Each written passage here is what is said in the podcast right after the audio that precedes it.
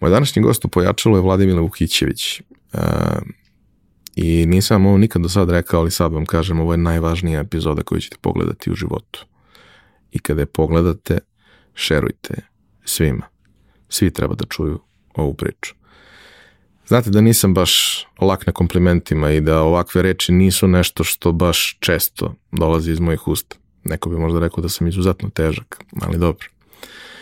E, ova priča je neverovatno duboka na jednom ličnom nivou i neverovatno značajna za svaku ko se ikad bavio biznisom, ličnim razvojem, svako ko se u bilo kom trenutku pitao da li ovaj život ima smisla i šta dalje i kako dalje ili pomislio da mu je previše teško. Ova priča je priča o detetu koje je otišlo u Ameriku da se leče od raka, koje je uspelo da pobedi dve teške bolesti, da završi dobar fakultet, da napravi tri startapa i da dva uspešno proda, a treći, u trećem sada dobije veliku investiciju o kojoj su naši mediji pisali pre nekih mesec dana. A i ova priča je mnogo više od toga. Ovaj intervju je nešto što je mene pomerilo i ako ja kažem da nakon 500 intervjua koje sam radio u životu je ovo možda nešto najznačajnije što sam snimio, verujte mi na reč. Uživajte.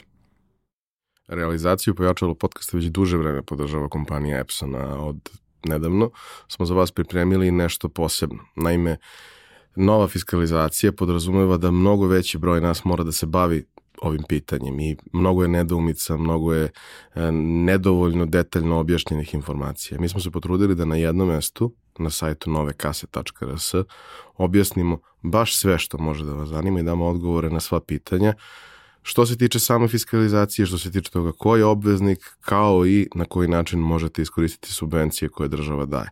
Takođe, dali smo i neke preporuke uređaja koje možete da koristite, a tu je i webinar gde za nekih 30-40 minuta možete otprilike da dobijete vrlo jasnu sliku o tome šta nova fiskalizacija podrazumeva za sve nas.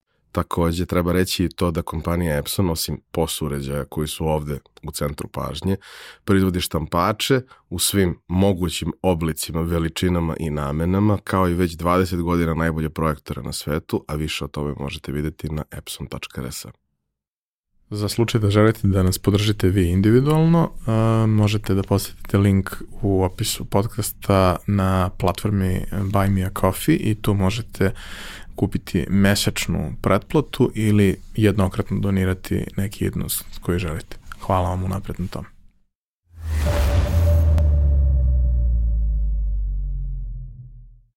Vladimire, dobrodošao. E, ti si neko ko je u prethodnih e, nekoliko nedelja bio dosta u našim tehnološkim medijima uh mhm. -huh. e, sa ovom poslednjom pričom koju radiš, a to je e, jedan startup koji se zove Better and Better, da. Uh, koji se bavi, pričat ćeš ti već ovaj, o, o, o celom setu proizvoda, ali u suštini bavi se ličnom higijenom na jedan malo drugačiji način. Uh mhm. -huh. To je tebi treći startup, tvoja karijera je jako interesantna i ceo tvoj život je zapravo vrlo neobičan. Kada su me kolege kontaktirale sa, sa informacijom da dolaziš, uh, bio sam vrlo rad da se uklopimo, iako su okolnosti bile vrlo teške da se uklopimo, jer prosto ovaj, zaista je nesvakidašnja priča i mislim da je većina ljudi ovde ne zna. Hvala. I zato mi je jako drago što si mi danas gost. Ali pošto ti povremeno pratiš pojačalo, znaš otprilike kako izgleda sve mm -hmm. ovo, znaš da naša priča kreće hronološki od, od početka. početka detinstva svega. Uh, u tvom slučaju to će biti posebno interesantno i emotivno, Ali ja tebe pitam ono isto što pitam sve uh mhm. -huh. svoje goste, naše čuveno Mančmelo pitanje, šta si htio da budeš kad porasteš? Hteo sam da budem živ. A, kao dete, glavni cilj mi je bio da preživim. I tako, na neki način, nisam imao taj luksus da uopšte da razmišljam o nekoj karijeri ili profesiji ili čak preduzetništvu, nego sadašnjem momentu kad sam bio 5, 6, 7, 8, 9 godina i preživljavanju u tom trenutku. Tako možda vredi početi od, od te priče. Slažem se. Da. Mislim, u, u, u uh, medijima je pomenuto u jednoj rečenici da si da. ti u Ameriku svoje vremena otišao na lečenje, ali nema nikakvih detalja o svemu tome. Ne moramo da idemo previše u detalje ti ispričaj ono šta je tebi mm -hmm. ok da kažeš, ali hajde da damo ljudima kontekst, jer mislim da je jako važno. Da, i, i, i to me u stvari i, i gura sada. Tako jeste, vrlo važno i, i to je deo nekog temelja mog, mog identiteta. Um, tako, počinje, ja, ja mislim, oko 89. 90. godine, kad sam imao 5 godina, um, imao sam neke bolove u nozi, u desnoj nozi. I onda u početku je to bilo, a, verovatno nije ništa, ali počelo da se pojavljuje svakih par meseci i bilo je sve jače, jače, jače. I onda konačno smo otišli u institut majko i dete na snimanje i videli su da je to u stvari bio kancer, rak desne butne kosti, koji je srećom bio lokalizovan, ali je bio znatno, video, video se. Radili su par a, a, a, operacija da vide šta je tačno i kako je. I u jednom trenutku a, moji roditelji su rekli, ok, ovde smo u Jugoslaviji tada, um, postoji šansa za lečenje ovde, ali ta šansa je prilično mala za uspeh. A, imali smo neke kontakte u Njujorku srećom i, i oni su rekli dođite, dođite na lečenje ovde u Memorial Sloan Kettering, to je čuvena bolnica u Njujorku. I jednu noć su me izvukli roditelji iz bolnice ovde, išli smo da se slikamo za pasoš i kroz nelju dana smo u avionu, ja i majka smo bili na, u avionu ka, ka Njujorku. I tako je počeo moj, u stvari, svestan život. Pošto pre 5-6 godina, kad, kad si malo dete, ne sećaš se, ali to mi je bio jedan od prvih uh, momenta kad sam se baš sećao šta se dešava. I to je bila 90. godina, moje lečenje počelo u Njujorku odmah čim smo stigli i to je trajalo dugo. 4-5 godina, tu je bilo mnogo problema.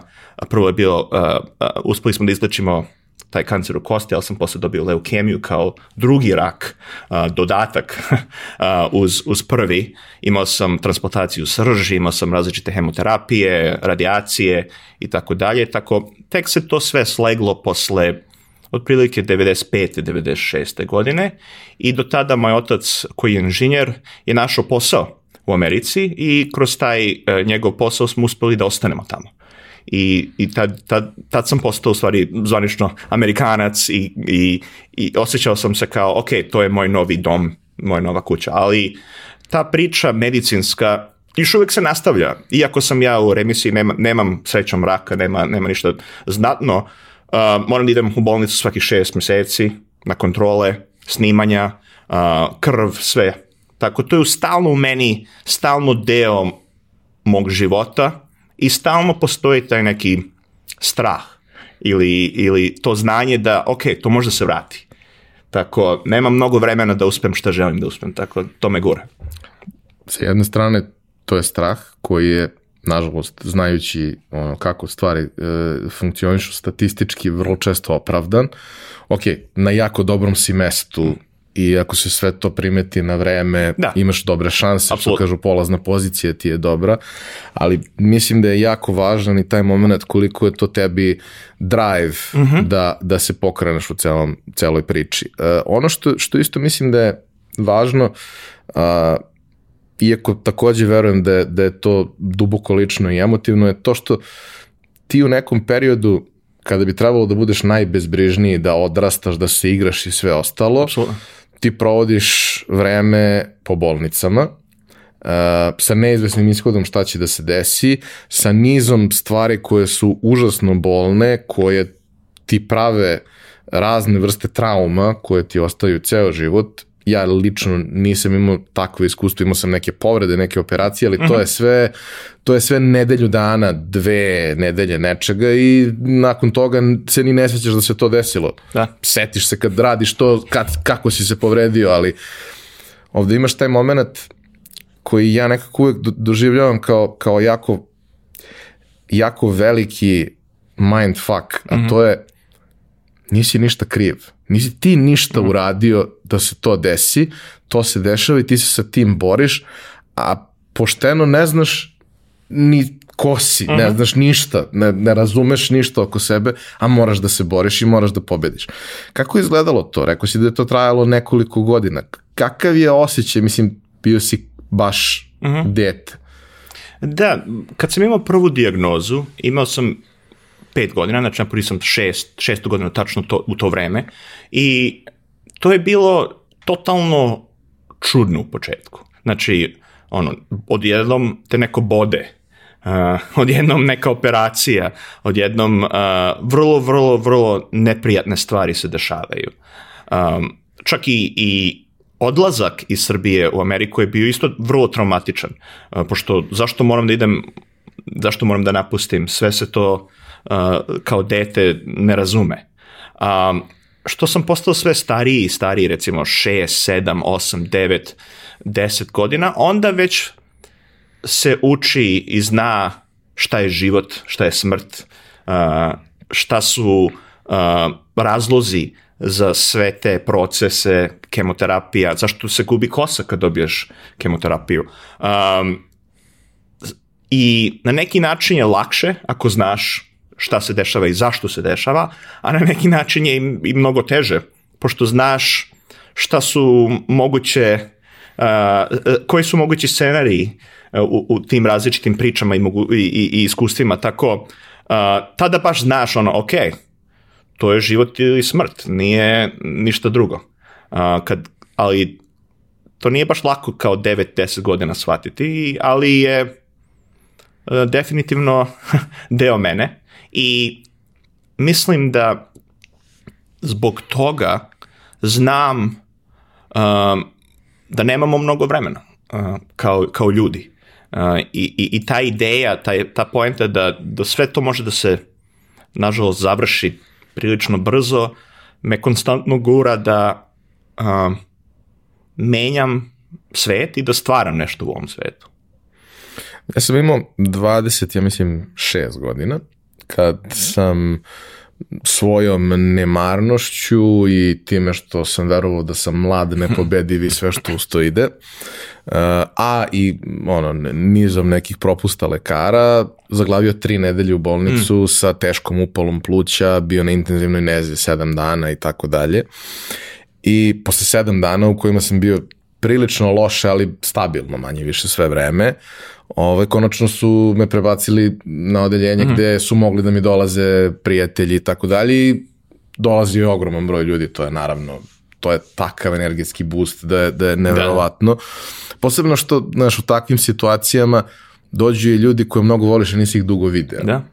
I, i sve to, ali e, e, sećam se jednog trenutka, jer to je kao 7 dana nakon što sam ja tu došao, već sam ja okej. Okay Mislim, ostao sam još dve nedelje u bolnici, ali već se ja osjećam prilično Prošli si kroz dobro.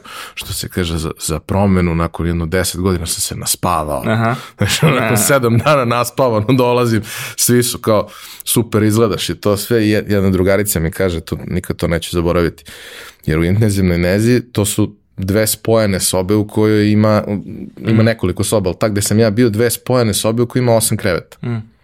Ja sam bio najmlađi pacijent u, u, u toj sobi i drugarica mi jedna kaže sjajno izgledaš, dobro se držiš, kako ti je bilo ovih nekoliko dana? I ja je gledam i kažem, brate, jesi ti svesna da su ovih 7 dana izneli četvoro ljudi iz mm. intenzivne nege u kesama? Ok, ja nisam bio jedan od njih, ali gledaš to svaki dan i ne može da te ne pogađa. Većina tih ljudi jesu bili značajno stariji, da. stari da. ljudi koji su vrlo teško podnosili probleme koje su imali sa plućima, videli smo sa koronom kako to nažalost izgleda sa, da. sa starijom populacijom. Ovo je manje više slično, svi su oni imali neke teške oblike upala pluća i slično. Ali je strašno pogodite, nemaš do tog trenutka nikakav odnos prema tome jer nikad to nisi mogao da doživiš na taj način. Naravno, svi smo znali šta je smrt, da. jer tokom odrastanja gubiš lagano te starije srodnike i sve mm -hmm. to, ali ovo su ljudi koje ne poznaješ, koji jedan dan izgledaju super, super Relativno. ne mogu biti super, da, jel, ako da. su tu, ali pričaš sa njima, mm -hmm. a sutradan imaju ravnu liniju i neko dolazi mm -hmm. i odnosi krevet i donosi drugi krevet. Da. I uh, meni je to, mene je to naučilo da malo više vodim računa o sebi. Mm. Nedovoljno me je naučilo. Trebalo mi je neko vreme da shvatim da ipak nisam na pobedivi nakon toga. ali mogu da zamislim kako je to kad si klinac Da. i kad kroz takve stvari prolaziš jedno duže vreme sa ono, verom i nadom da će sve biti ok, ali sa realno neizvesnim ishodom Apsolutno. po tom pitanju. Pa, mislim, kad sam ja bio tamo u početku 90. godine, bilo je, ja mislim, još dvoje naših ljudi, de, dece koji, se, koji su bili na, tretman, na tretmanu. A, i, I jedan prijatelj, tada postao prijatelj, on je dobro prošao, preživao je, a drugi nije. Tako, jedan od troje, gotovo. A, I još to, to je do, dobar uspeh uh, ako 66% preživi. Um, tako, vrlo, vrlo je čudno vidjeti to, naročito sa, sa decom.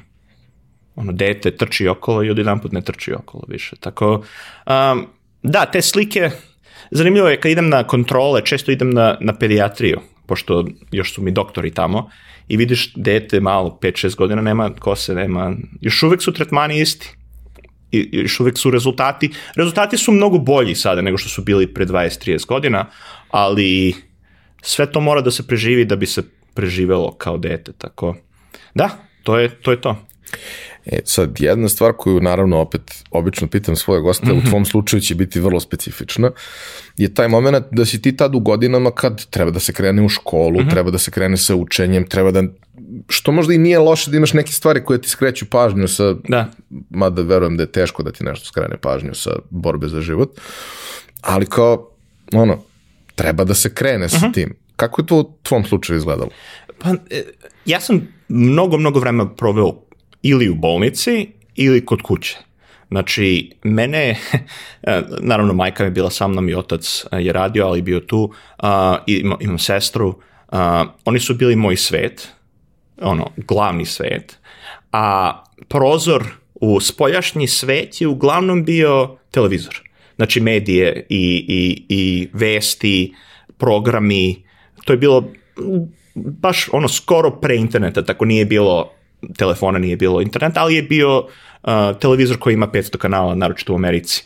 Tako, na neki način ja mislim da me to edukovalo o svetu i zanimljivo je bilo kad sam počeo da idem u školu, opet peti, šesti, sedmi, osmi razred, srednja škola i tako dalje, moja glavna referenca o svetu je bilo, bile su američke serije 80-ih i 90-ih godina. Ono, a, ovo scenario se dešava, to će i meni da se desi. Dugo mi je trebalo da shvatim da život nije kao američka komedija ili drama ili, ili bilo šta, ili film, ali kad sam shvatio, onda je bilo, onda je bilo ok.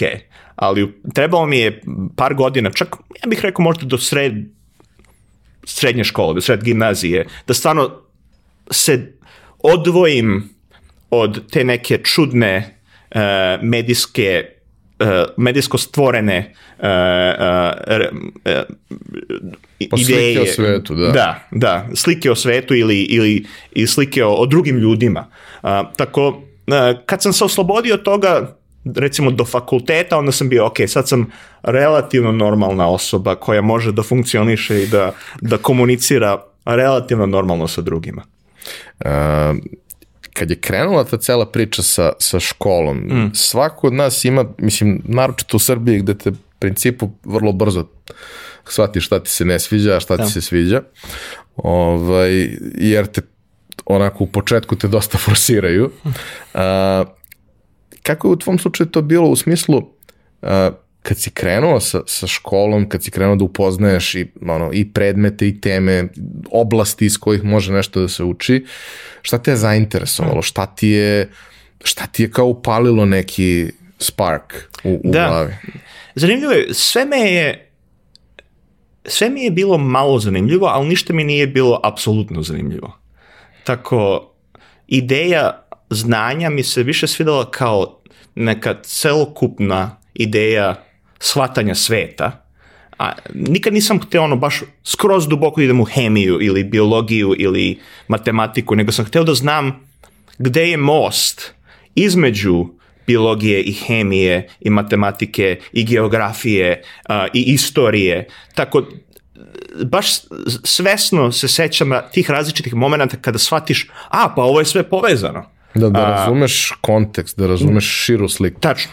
Da, da razumeš da zbog istorije Bliskog istoka pre 200 godina mi danas imamo određene lekove. Uh, ili zbog nekog filozofa u 17. veku mi imamo sada um, matematiku koja je stvorila uh, mogućnost za stvaranje kompjuterskih programa. Uh, tako, te veze su u stvari uvek bile najzanimljivije za mene. I, i, I to se nastavilo kroz osnovnu školu, srednju školu, gimnaziju i naročito na fakultetu.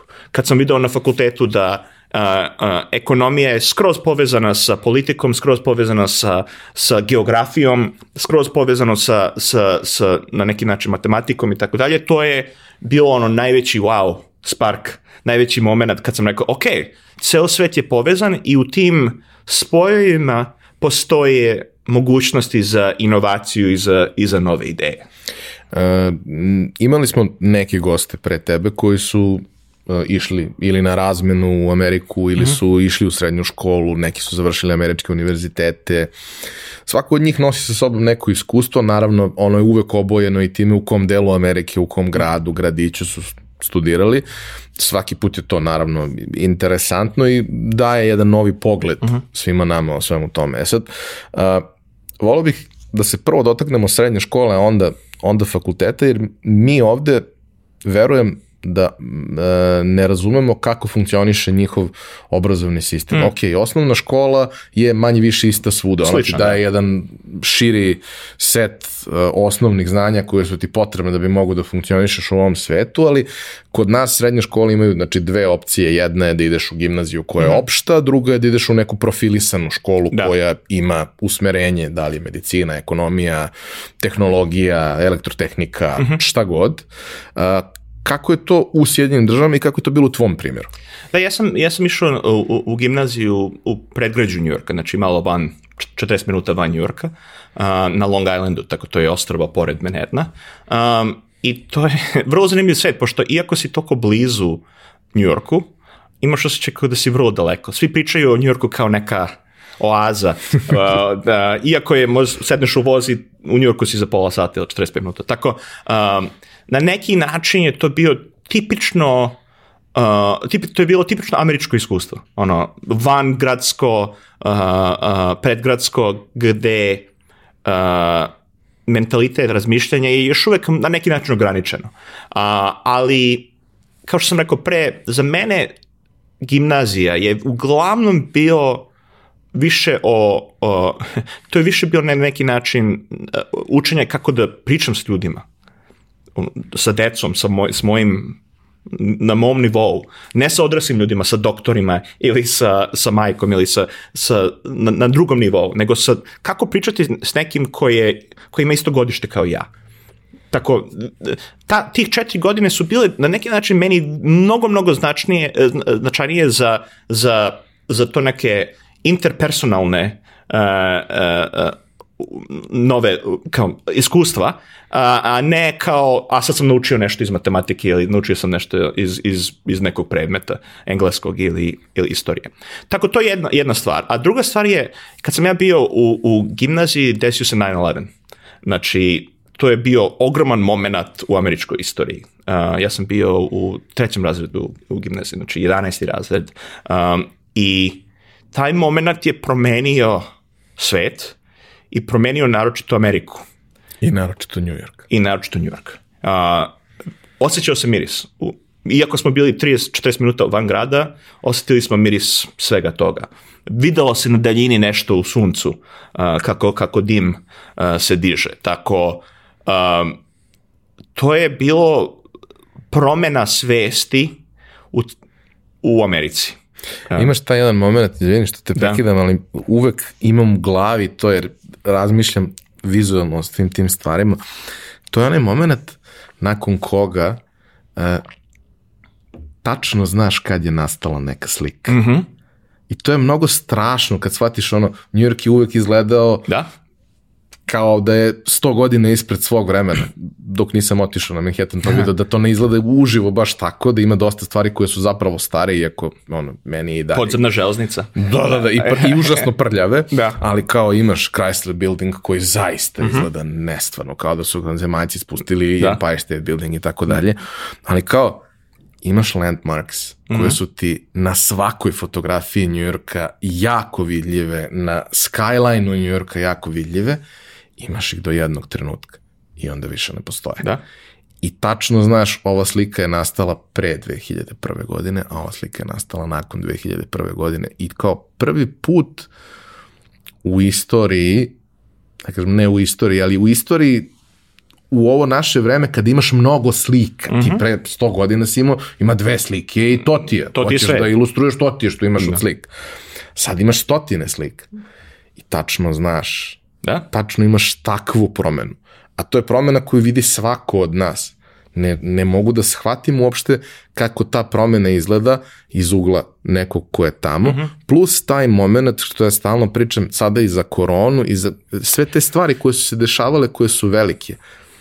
Jedna stvar je što se desilo to što se desilo i to je strašno.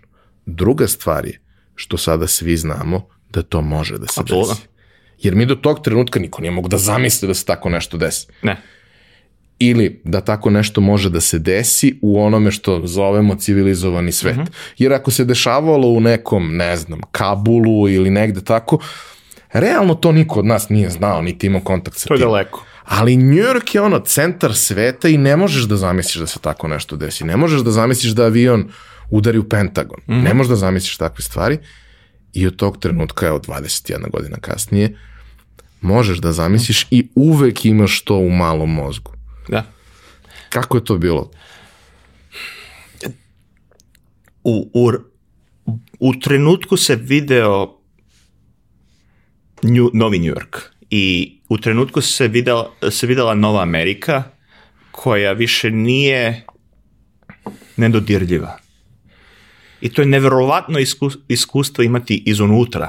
Kako ljudi prihvataju ideju da su odjedanput i oni mogu da izgube svoj život da odjedanput i oni mogu da budu napadnuti i odjedanput oni mogu da budu uništeni. A, tad su počele, og, ogrom, tad je počeo ogroman strah što se tiče e, biološkog oružja, hemijskog oružja. A, ljudi su razmišljali da će New York, da će nuklearna, da će neku bombu da donese u New York, da, da, da uništi ceo grad. A, tako ta paranoja i ideja da, da sve je moguće, kao što si rekao, S, apsolutno sve je moguće, um, je ostalo ostavilo mnogo, mnogo značajne i još uvijek, ja mislim, teče ta, ta ideja, da je sve moguće. A pre toga nije bilo sve moguće. Vrlo, vrlo zanimljivo kako, uh, ja mislim da sve što se dešava danas zadnjih 20 pl- kusur godina, na neki način potiče od tog momenta kad je Amerika shvatila da, you know, oh shit, sve je moguće. Da imaš taj moment koji meni deluje kao ono, amplifikator pojačalo svega Da. što se dešava. I kao, ok, nakon toga si imao SARS, imao si sve to. Da, da. Ali strah koji bi bio na nivou 20 je sada bio na nivou 2000. Zato što ne znaš. Imaš strah od nepoznatog koji sve povećava preko granice razuma. I strah od korone, naravno da je bio opravdan i naravno da je i dalje opravdan jer vidimo šta se dešavalo i svi smo izgubili nekog i starije i mlađe i ljude koji su bili potpuno zdravi i više ih nema ali sve bi to, verujem, bilo potpuno drugačije da se ovo nije desilo Da. pre 20 godina. Apsolutno. Znaš, jednostavno, mislim da ta količina straha ne bi bila tolika, da se on ne bi tako širio, da to ne bi bilo toliko preintenzivno. I ja mislim da je taj moment stvorio internet. Pa pogurao ga značaj. Kao, taj internet koji, koji sada shvatamo, taj internet koji stvara svoju real, viziju sveta je počeo, ja mislim, sa, sa 9-11, sa, sa 11. septembrom, kad su bliznakinje pale. I, I tad je u stvari počela i ta kultura uh, ko zna šta je istina. Conspiracy theory. Dobro, pre toga smo imali dosije X. Dobro, imali smo I to je dosta, dosta pomoglo svima. I, i, i, i JFK, uh, film o Kennedy je izašao koji je 90-91. godine, koji je isto bio uh, ono, nova verzija istorije. Uh, stvorio je novu verziju istorije, ali ono, to je sve bilo konceptualno, nije, nije bilo realno, a 9-11 je tu realnost stavilo nam u, u, ono, u facu, gde, gde smo odjedan put videli gde, da, da, da, da je sve moguće i da možda istina nije tako čista. Uh, Znaš, ono, to, to je bilo 2001. godine, 99. godine je bilo bombardovanje ovde, što je bilo vrlo, vrlo čudno gledati iz inostranstva, um, pošto ta priča je bila totalno suprotna od neke, neke ovde priče. Uh, ali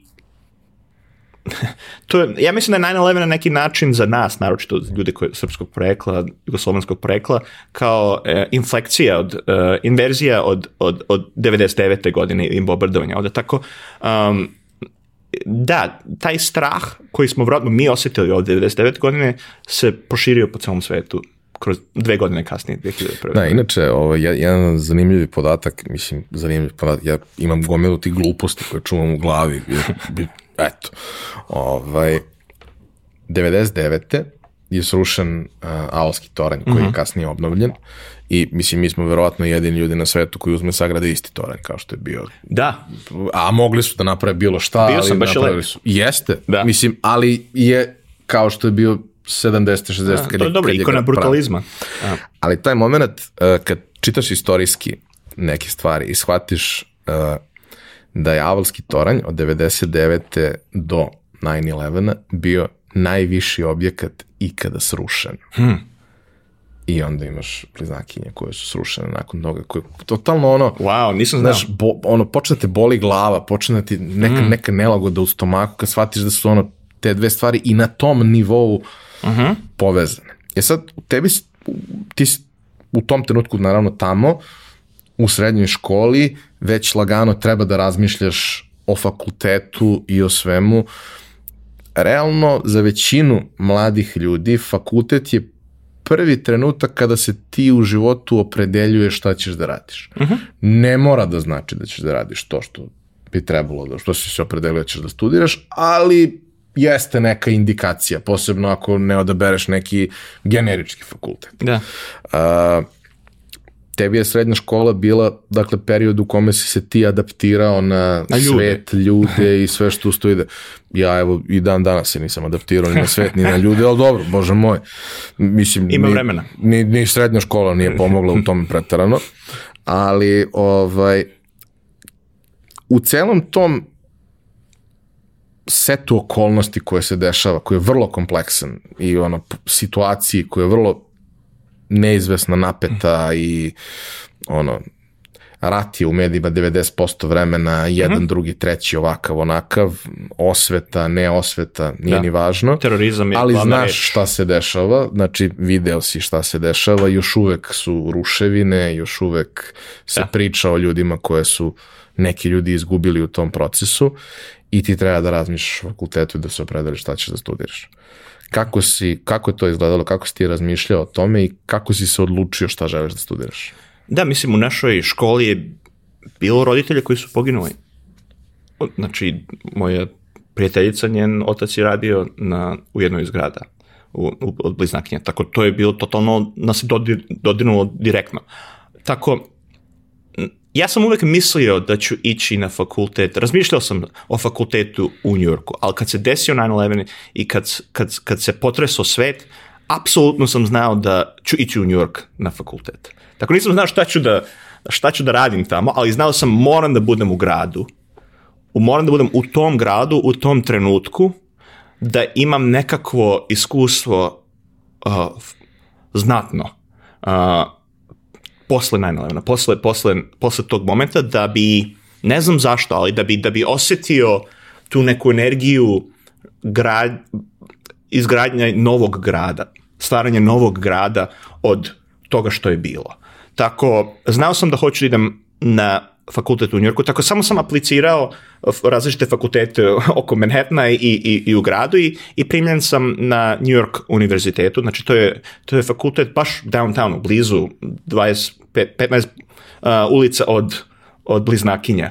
Uh, i, i, I tamo sam uh, studirao ekonomiju, znači išao sam na, na, na to oni kažu uh, undergraduate bachelor degree u, u, i učio sam, um, počeo sam ekonomiju da studiram, dodao sam management kao, kao drugi deo, znači ne samo ekonomija, svetska ekonomija, nego kako i uvesti ljude u tu ekonomiju, tako management, i radio sam minor, to je kao dodatak u, u, u filozofiji. Znači, htio sam nešto malo van standardnog uh, ekonomskog uh, uh, znanja da, da, da dodam. Tako, znao sam da hoću da znam što više, što šire, uh, ali nisam tačno znao šta ću da radim sa tim, sa tim znanjem još. Tako, tretirao sam fakultet kao kao da sam gradio neki portfolio uh, znanja. Uh, I taj portfolio će se nekako spojiti na kraju krajeva, ali nisam znao tačno gde ide. Uh, ja sam, kad sam počeo fakultet, NYU je prilično skup, dobio sam stipendiju donekle, ali morao sam posle dve godine da, uh, moja sestra je počela, počela fakultet isto um, u New Yorku i, i morao sam da počnem da plaćam skroz sam fakultet i, i uspeo sam da nađem posao u nekretninama u New Yorku. Počeo sam da prodajem i da iznajemljujem nekretnine. Uh, dobio sam uh, broker license, znači morao sam da idem na, na kurs da naučim, naučio sam uh, sva zakona i prava mm. o, o nekretninama u New Yorku I, I počeo sam da kao student da radim puno radno vreme sa strane kao uh, real estate broker i kao student. Tako, ja, ja računam svoj, tih, svoj, tih četiri godine fakulteta ne samo kao neka edukacija uh, uh, znanja, nego i edukacija o biznisu. Pošto te dve godine kad sam radio kao broker, sam naučio mnogo, mnogo stvari o ljudima i o, o, o prodaji, kupovini, Uh, I to je vrlo, vrlo prljav i težak svet, znači u Njurku, gde, gde je tada bila ogromna uh, uh, gužva što se tiče nekretnina, uh, pošto posle 9-11 gradilo se, pravilo se novo, nove subvencije, nove, uh, nove zgrade, tako fakultet je za mene bio znanje uh, tradicionalno znanje i znanje transakcija, znanje novca u nekretninama naročito, ali generalno, tako, to je bio moj, moje iskustvo. A je bilo nekih momenta tokom, tokom studija uh, i nekih ljudi koje si upoznao hmm. u tom procesu, koji su ti stvarno ono, jako puno značili u životu? Da li su to kolege, profesori, koji su ti dali nešto, ono, da li ti, što kažu, desi ti se u životu da upoznaš osobu, ona ti kaže jednu rečenicu i ta rečenica ti promeni život. Uh, dati jednu knjigu ili ti kaže jednog autora i taj autor ti promeni život. Kakav je tvoj odnos prema fakultetu bio u tom nekom smislu, odnosno kakav je odnos fakulteta bio prema tebi hmm. kada je to u pitanju? Pa, eh, u početku, prve, prvi, ono, prva godina, druga godina, ja sam tražio nešto. Bio sam, nisam znao šta, ali tražio sam nešto. E, išao sam na, na klub socijalista u, u, u, na NYU, što stvarno postoji. Išao sam, Zvuči užasno, ali da, dobro. Da, išao sam na klub, uh, u klub uh, republikanaca. Znači, ono skoro... To je još gore. To je suprotno, da, levo, desno. Uh, išao sam na klub investitora. Znači, ok, učimo o investicijama i, i, i, i kako, kako novac uh, ulagati. Um, I uh, tražio sam, tražio sam nova iskustva, tražio sam nova znanja. Um, I na kraju krajeva kad sam dobio taj posao, kao što sam rekao, un, kao broker uh, u firmi, maloj firmi, malo, 20 ljudi, uh, tu sam sred jednog čoveka koji je bio koji je na kraju krajeva postao moj co-founder u prvoj firmi, malo kasnije u priči, ali je uh, bio otprilike recimo 10 godina stariji mene, od mene. Ja sam imao tada oko 20, 21 godina, imao oko 30, 31, znači 10 plus, tako je imao je iskustva životna, on se zove Brian.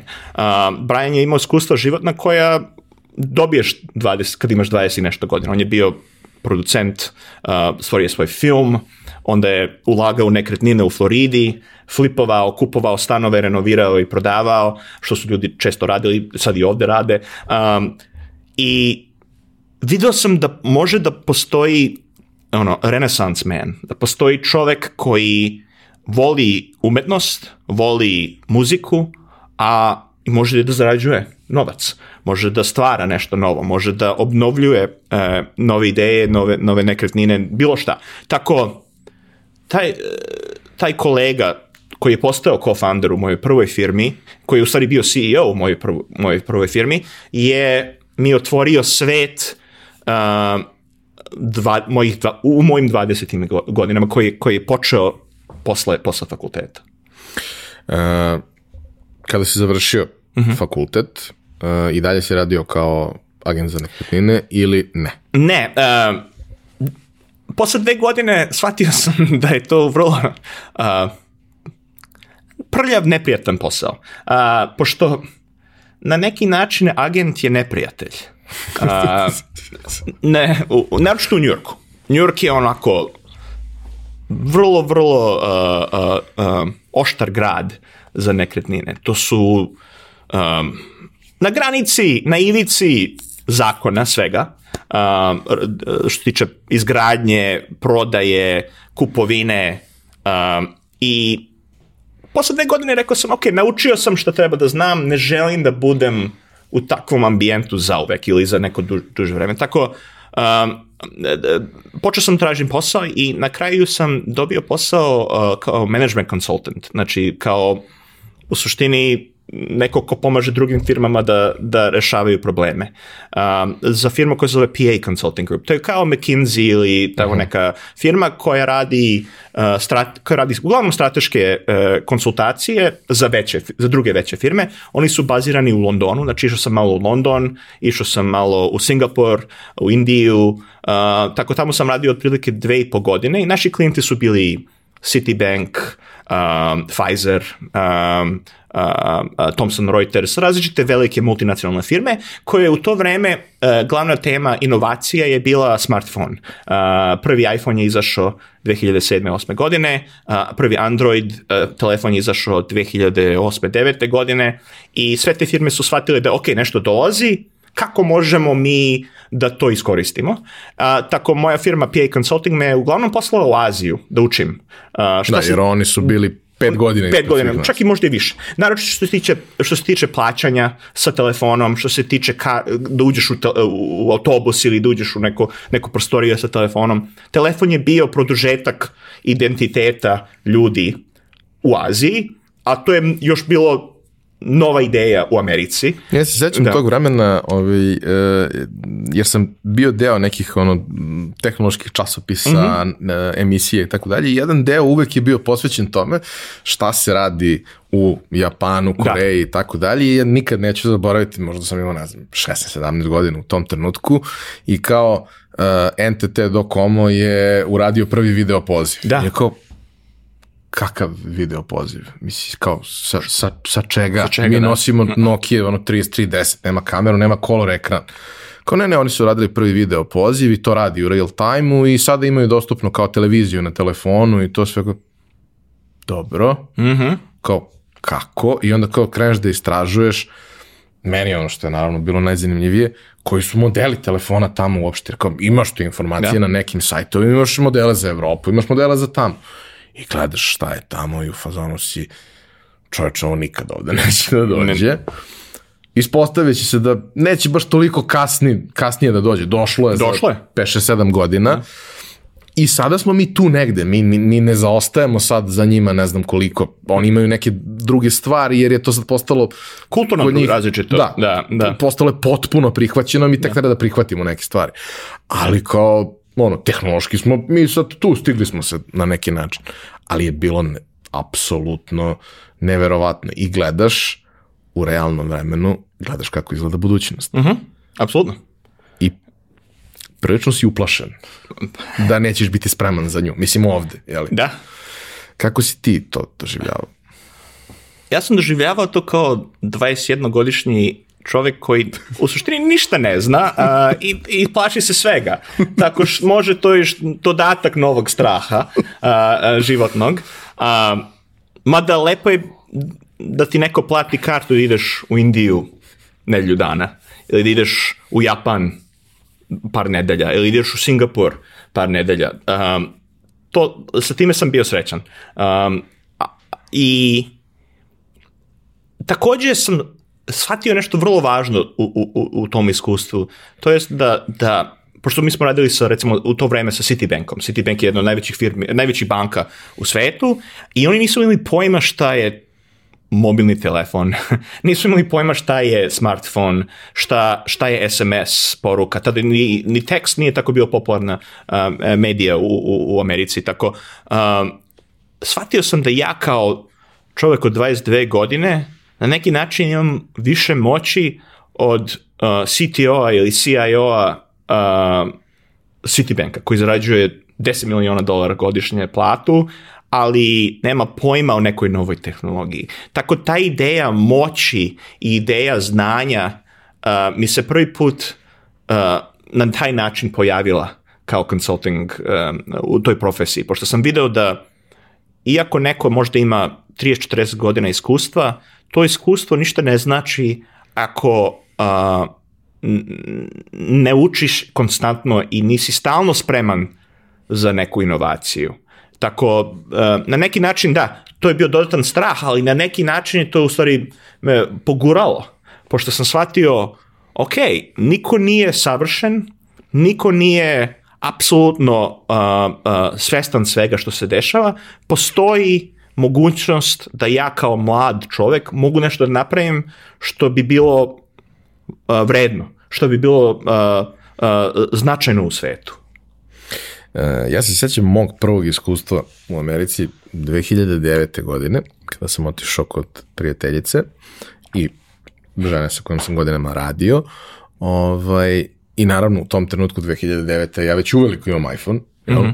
Kao pravi geek koji da, da. ono moralo je da bude Koja je dvojka, 7 dana. Dvojka, tad je, bio, tad je da. bila dvojka i kao, mislim, taj telefon, na njemu ništa nisi mogao da radiš, ali on bio predivan. Mm -hmm i za početak si mogao da otvoriš web stranicu da. u fullu, a da. ne ono sve nešto kompresovano, kao BlackBerry spakovan, da, da. Jezivo. Ove, ne, nego kao, brate, imaš browser experience, imaš dobru, dobru fotografiju, sad to zvuči smešno, imaš dobru fotografiju, možda gledaš video, možda gledaš YouTube i tako dalje. I ja dolazim i shvatam da to što je meni to, naravno u mom bablu od mojih ovde mm -hmm. 10 prijatelja, ono, 8 ima iPhone-e, ovaj, da to tamo ok, u Teksasu, ne u Sili, Silicijumskom dolini ili ne u New Yorku, ali kao u Teksasu niko nema iPhone. Njih to ništa ne mm. zanima. Oni nose neke jako čudne telefone sa hardeskim tastaturama, da. koji nisu, nisu Blackberry, nego su neki HP ili nešto tako, ili šta god, koji izgledaju užasno, imaju olovkicu i to sve da. što, što ono, kao sve što smo viđali prethodnih godina, kao, kao zašto bi neko to koristio i što je meni bilo potpuno ono mind blowing u tom trenutku, kao, treba da idemo negde. To negde ne znam, treba da neki restoran. Mm -hmm. Ja, naravno, sednem, pogledam gde je na mapi, ja to da. nađem i sve to.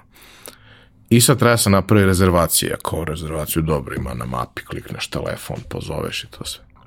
Ona prijateljica sedi, vozi, stavlja slušalice, kao sve je odgovorno, nosi slušalice koje su ubodene u telefon pritiska neko dugme na telefonu koji ja ne, ja ne, mislim, ne znam, da postoji dugme za to, ali dobro, nebitno. I kaže, operator, please tell me, i sad, ne znam, where is the location of yeah. that and that restaurant? Yeah. Wow. Jebote, kao ono, 1921. godina. Zamišljam kako sa druge strane neko ono, u, tačinje ubada, ubada da, da, da. i spaja i kao, je moguće da ovi ljudi ovako žive? I kao, prolazi prvi put u redu, ali kao to se dešava deset puta tog dana. Mm -hmm. Ja sve vreme razmišljam, jebate u toj firmi koja je kao operator, postoje neki ljudi koji hendluju te stvari. Da, ljudi pravi. No, kao to ne može u tom trenutku bot da hendluje, mislim, da. ne može ni danas. Danas bi možda i mogao, ajde, hey Siri. Da. Ali, ovaj, ali kao, ono, u tom trenutku neko bre mora se javi na to, pa ti nađe to što ti treba. Mislim, imali smo mi 988, a da. 988 pozoveš jednom u 100 godina da, da dobiješ broj neke ono ambasade ili pozorišta da bi pitao nešto, ne, nemaš gde da ga nađeš. Ali kao, ovi ljudi tako žive. Kako možda živiš? Tako ti sad čekaš, on kao on čeka da, da ovaj nađe broj, pa je onda ona prespoji. Mm -hmm. Ja kao, šta radi? Pa prespoji. Ha. I je kao, dobro, okej. Okay. I naravno, tri godine kasnije, sve je bilo potpuno Da, da. drugačije. Sad- Ali u tom trenutku, a pazi, to je već ono dve godine postoji iPhone. Da, dve da. godine postoji sve. Androidi, sve. Da, da. Ali ti ljudi koji su pritom ono, ona je žena uvek bila tech savvy, vrlo, za svoju generaciju, above and beyond, ali i za prosečne ljude, apsolutno. I kao, brate, ona živi u 18. veku. da. I koliko se brzo sve okrenulo. I sad zamisli šefa neke banke koja ima 100 biliona dolara u, na, na računu, čak i više od toga, možda 500 u tom trenutku je Citibank imao, koji ne zna šta je iPhone ili ne zna šta je, šta je, šta je online banking. Tad su tek počeli da imaju internet banku, ali da to može da živi na telefonu je bila totalno nova ideja. A, da telefon može da služi kao kreditna kartica je apsolutno bio mind-blowing ideja. Da telefon može da služi kao produžetak nečeg identiteta, znači da, da potvrdi da si ti to ko što, ko što kažeš da si da. I totalno nova ideja. Sve te ideje su bile apsolutno uh, na neki način uh, ljudi su se smejali kad su, čuju, kad su čuli da, to je, da je to moguće ili da je, da je, ali ti ljudi koji su se smejali nisu bili obični ljudi, nego su bili šefovi Ono, decision makeri u najvećim firmama. Da, da. A, tako, bilo je vrlo ono, uh, veliki trip uh, uh, videti to, isku, imati to iskustvo, pošto uh, na neki način me ohrabrilo. Na, na, na, na vrlo jak način. Ti si u tom trenutku shvatio da uh, tehnologija može da nas osnaži i da nam omogući da, iako smo možda mali, postanemo jako veliki i Tačno. vrlo značajni. I vrlo brzo. I da je ta tehnologija tada već dostupna. Da to znanje nije nešto što je tada već je prilično dostupno široko svima ko hoće da se potrudi naravno da ga prikupi, primeni i tako dalje, ali nije više to varijanta nemaš nigde da naučiš o tome, to su neki ljudi, naučnici koji nešto programiraju. Ne, ne, može svako da sedne da napravi sajt, može svako da sedne da napravi aplikaciju manje više i kao, kao naravno danas još 100 stepenika ispred, Tačno. ali već u tom trenutku su te stvari postale mnogo dostupnije nego što je bilo kad ranije bio slučaj. Da. Kako dolaziš do svog prvog starta? Da, tako, kroz ta iskustva sam prvi put video uh, ideju financiranja a, neke ideje, neke firme preko mikrotransakcija. Znači, mikrotransakcije su bile e, vrlo popularne u Aziji, znači ljudi su plaćali za različite, za različite stvari preko, preko telefona, preko digitalnih načina i um, to mi je nekako ostalo u glavi i počeo sam da razmišljam kako to možemo da, da, da- iskoristimo u Americi. Um, u isto vreme se desio a, onaj ekonomski kolaps 2008. 9. godine um, u Americi, što se dosta poremetilo u to vreme. Lju- Ljudi su izgubili opet neku stabilnost, uh, što je to bilo bezbednost 2001. godine, 2008. 9. to je bila financijska stabilnost. Ljudi su shvatili da možda sve što mi ulažemo, sve nekretnine, sve što se što raste može čak i da padne. A, tako, te dve ideje, moć tehnologije za mikro, mikrotransakcije i ideja da a, je sistem vrlo nestabilan, a, je stvorio a, ideju za moj prvi startup. I taj prvi startup se zvao Rocket Hub. Um, Rocket Hub je bila platforma za mikrofinansiranje uh, različitih um, uh, generalno ideja. To su bile umetničke ideje, znači ako neki muzičar hoće da snimi novi CD ili novi album, može da skupi par hiljada dolara od, od prijatelja i od, od, od fanova. Uh, to ako neki preduzetnik hoće da skupi 50.000 dolara da napravi prototip, uh, to ako neki uh, naučnik hoće da skupi 100.000 dolara da ide na Antarktiku da istražuje pingvine. Uh, sve te, svi ti projekti su u stvari bili realni projekti na našoj platformi, na Rocket Hubu. Mi smo bili jedna od prvih crowdfunding uh, firmi u svetu, mi, Kickstarter, Indiegogo, to su bile tri glavne firme u tom trenutku i uh, videli smo da kao što si rekao pre, uh, je to moguće. Moguće stvoriti uh, veliku platformu relativno brzo za ne tako veliku uh, cifru novca. Uh, ja sam bio jedan od co-foundera, ja sam bio CTO, znači vodio sam tehnološki tim, naučio sam malo kako da programiram, tako stvorio sam prvi proizvod i na kraju sam shvatio, ok, nisam baš tako dobar, tako ajde da, da, da, da nabavimo programere i, i, i tako smo uh, stvorili platformu.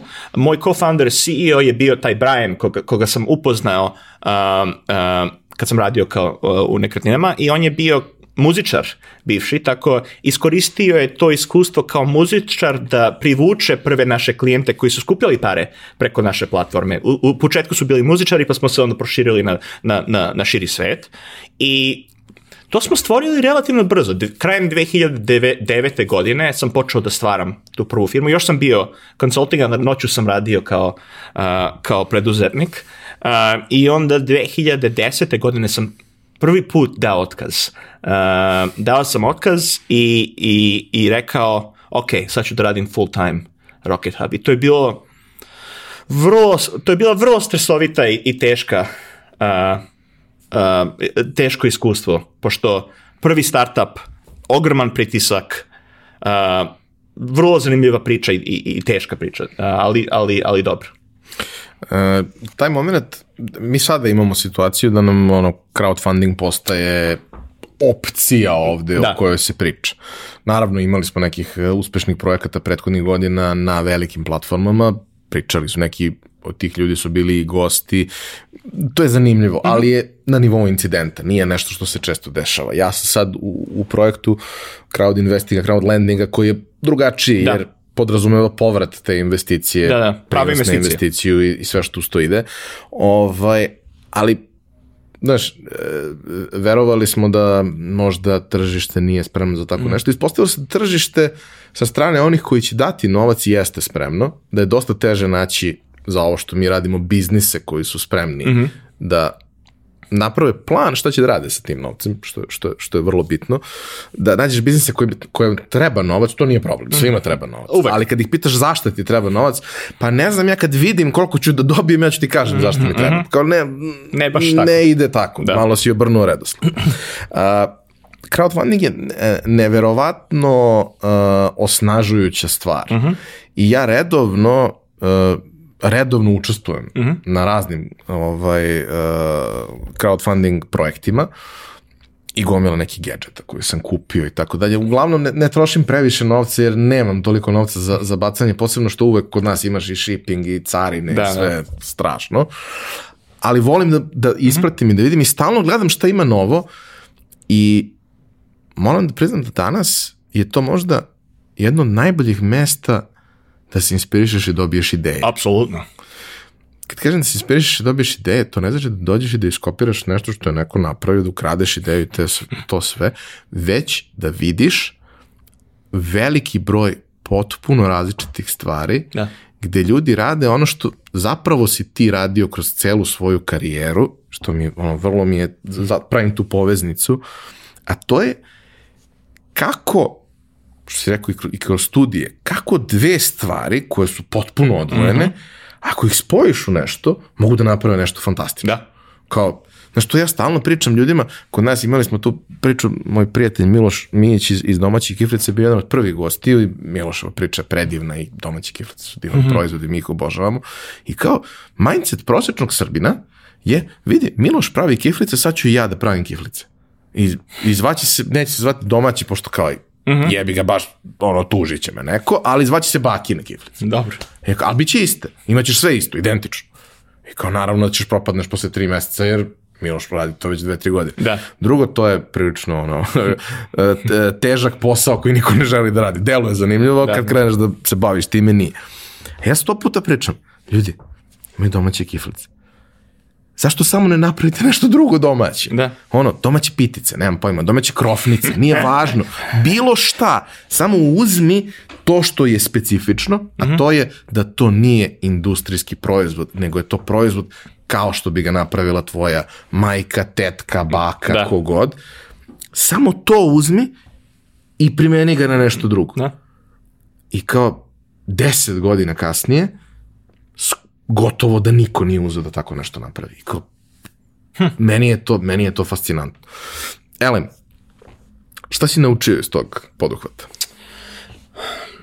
Pa, no, dva nivoa s- sam naučio. Prv, na prvom nivou je bilo na ličnom nivou. Znači, n- naučio sam kako da kontrolišem svoj stres.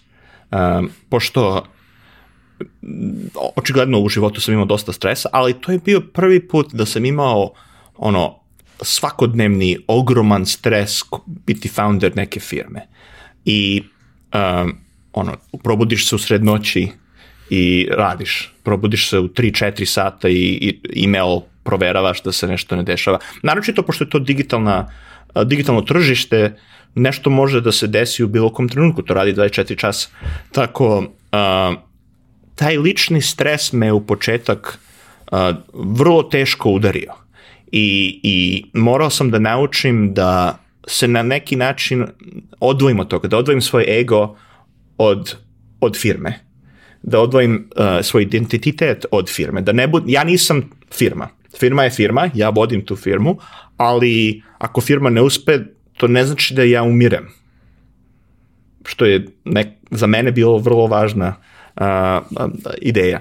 Um, Imaš taj moment, izvini, ali taj moment koji, mislim, možeš da ga iskoristiš u Americi, lako se prevodi, a dosta, dosta je karakteristično i često mi to ovde međusobno pričamo. On kad kaže, kad sam postao preduzetnik, eh, od kako sam postao preduzetnik, spavam kao beba. Apsolutno. Budim se na svaka dva sata i, I plačem. plačem, da. znači, kao, to, je, to je taj moment, to, Da. gdje kao, lako je tebi. Evo, probaj. Evo, izva, evo ti ključevi, Da. probaj. Da. Znači, apsolutno nije za svakog i taj moment gde kao ti jesi to, ali nisi to. Da. Odnosno, ja sam to probao sebi da objasnim ne na način ja nisam to, nego ja nisam samo to. Tač, da. Ali jesam to. Ako nisam to, ja neću celog sebe dati. Moram da budem ja to. Ali nisam ja samo to. Da. Ja sam ipak malo više od toga.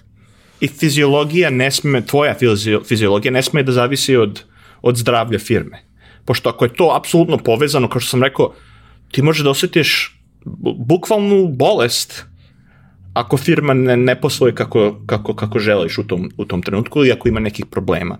Tako, to je bilo, morao sam naučim to da, da, da postoji neka distanca između mene i, i, i firme, pošto ako ne, ako ne postoji, onda će to se to brzo završiti na neki negativan, negativan način. A, a, a druga stvar što smo naučili je da naučio sam kako da fundraisujem, kako da, da skupljam i, i, i- i da nalazim investitore koji, koji ulažu u startupe. A, to su individualni angel investors, znači individ- individualci i vi- e, venture capital, znači firme koje ulažu u startupe sa, čisto sa ciljem da, da zarađuju novac koji e, se do, zarađuje ako se ta firma proda ili ako, ako IPO. Uh, imali, smo, imali smo nedavno jednog gosta koji je, uh, kažemo, jedan od menadžnih partnera i jednog od redkih investicionih fondova, baš visi fondova u ovom regionu. I upravo, znaš, kod nas ne postoji svest o tome i za klasične biznise koji traže investitore i za tehnološke biznise, da kao posao venture kapitala imaš dve opcije, ne moraju, mogu da budu obe, a ne moraju da budu obe. Može da bude smart money, a može da bude i samo dobiješ novac pa ti radi s tim što hoćeš. Idealno je za svakog da bude smart money, da dolazi sa kontaktima, sa svim Da. što uz to ide. Ali kao, znaš, e, mnogo je lep trenutak kad Jan objašnjava naš biznis funkcioniše na sledeći način. Mi gledamo kompanije koje su, koje imaju visok potencijal za rast Da, i nama nije važno, mi želimo da svaki biznis uspe, ali nama nije važno da svaki biznis, naš biznis ne zavisi od toga da svaki biznis uspe. Ne. Jer jako je teško nekome ko nema svest o tome da prebaci svič u glavi da kao ako ti ne uspeš, a dao si sve od sebe, imao si najbolju nameru, kao nisi nikoga zajebao ne. Samo nisi uspeo i to je okej. Sledeći. I oni su investirali u 100 i očekuju da će 3 da razvale i još 5 će da budu okej. I to je to, to je statistika. Tačno. Potpuno je normalno da ti završiš onih 90 koji nisu. Da. Ali da naučiš nešto u tom procesu ako može. Pa da, na, naučio sam da oni gledaju svaku investiciju kao uh, loš scenariju je isti, nula. Za sve. Sve može da bude nula. To nije važno. Šta je važno je koji je dobar scenariju. Koji je maksimum. Koliko veliko to Koliko može veliko to može da bude. Uh, pošto srednje veliko to nije dovoljno za njih. Pošto, kao što si rekao, oni, oni smatraju da će 90% biti nula. Ali tih 10% što, što uspe ne sme da bude srednji uspeh, ne sme da bude čak ni veliki uspeh, nego da mora da bude jedna od najvećih firmi na svetu, možda. Tako, uh, treba taj mindset prebaciti sa mi ćemo biti ok, nego u, u, prebaciš u mi ćemo biti najveći na svetu. Uh, u nečemu. Uh, najbolji na svetu u nečemu. Najunosnija uh, firma, najveća firma. Tako, um, to je vrlo, kao što se rekao, čudno naučiti da na neki način za njih je bolje da ti guraš da budeš najveći na svetu i da ne uspeš, nego da, da guraš da budeš srednji i da uspeš. Uh, oni, oni žele da svaka firma uh, ima šansu da bude nešto ogromno. Uh, tako, venture capital i, i te investicije nisu za sve preduzetnike, apsolutno nisu za svaku firmu, nego mora da bude firma koja je fokusirana i određena za tako neke uh, investitore.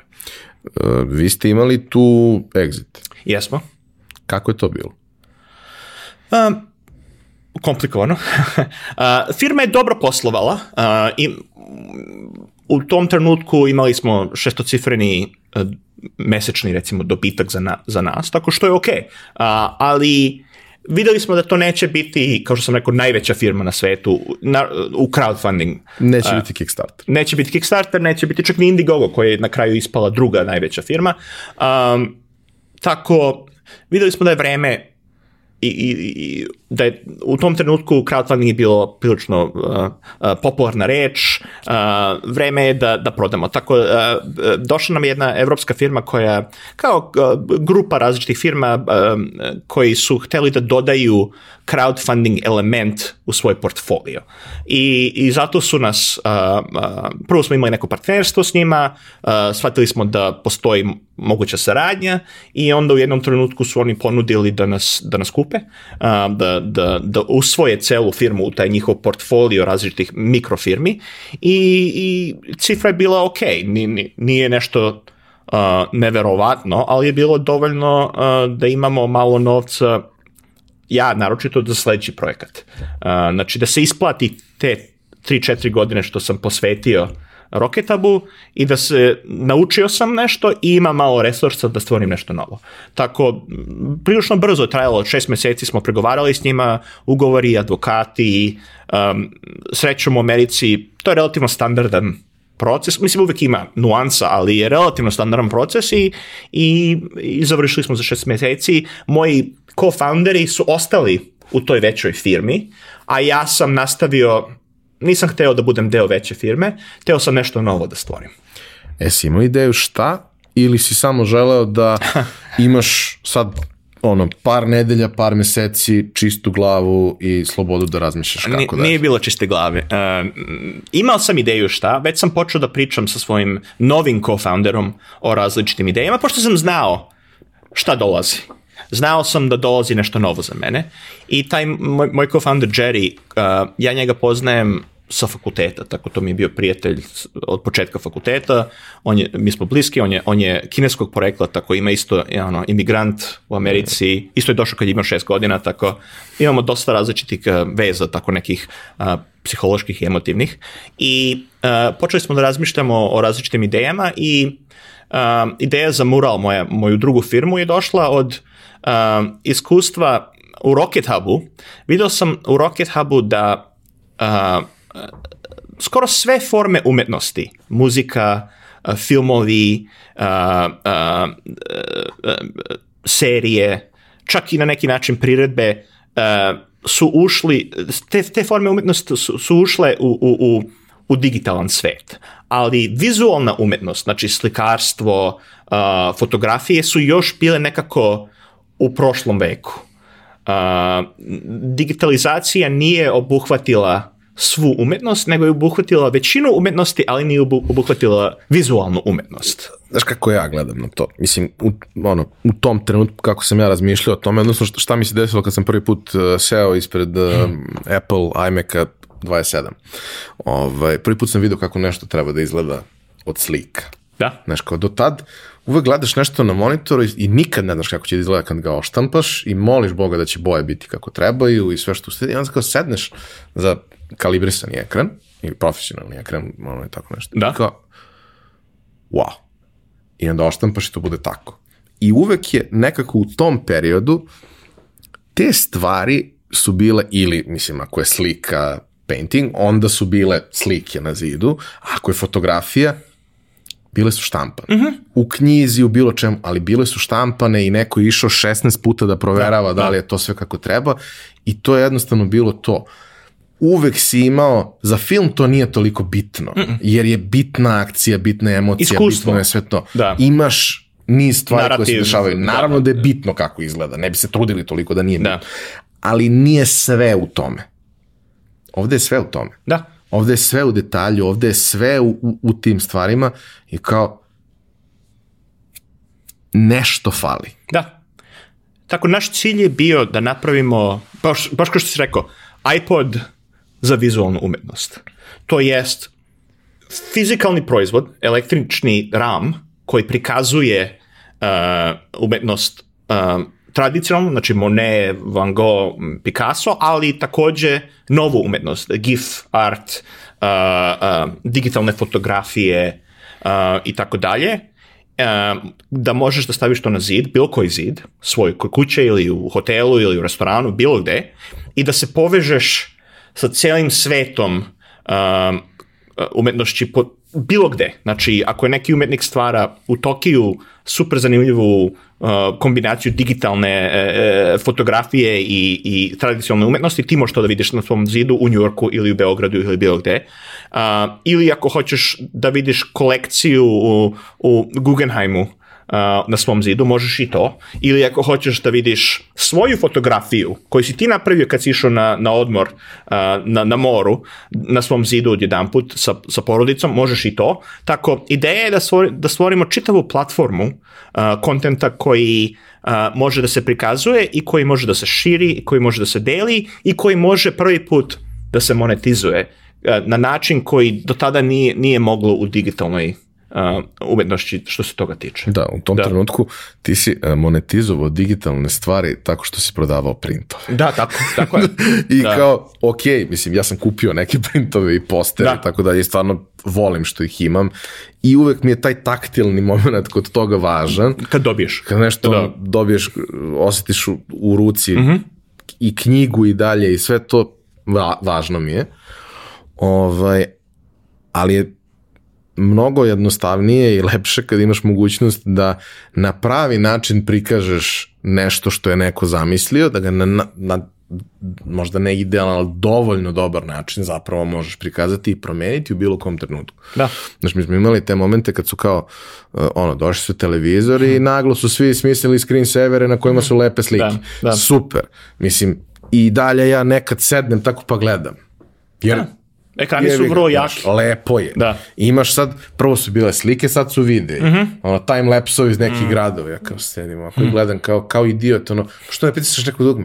Pa lepo, Lepo je, da. Lepo je, neću da pritisnem dugme.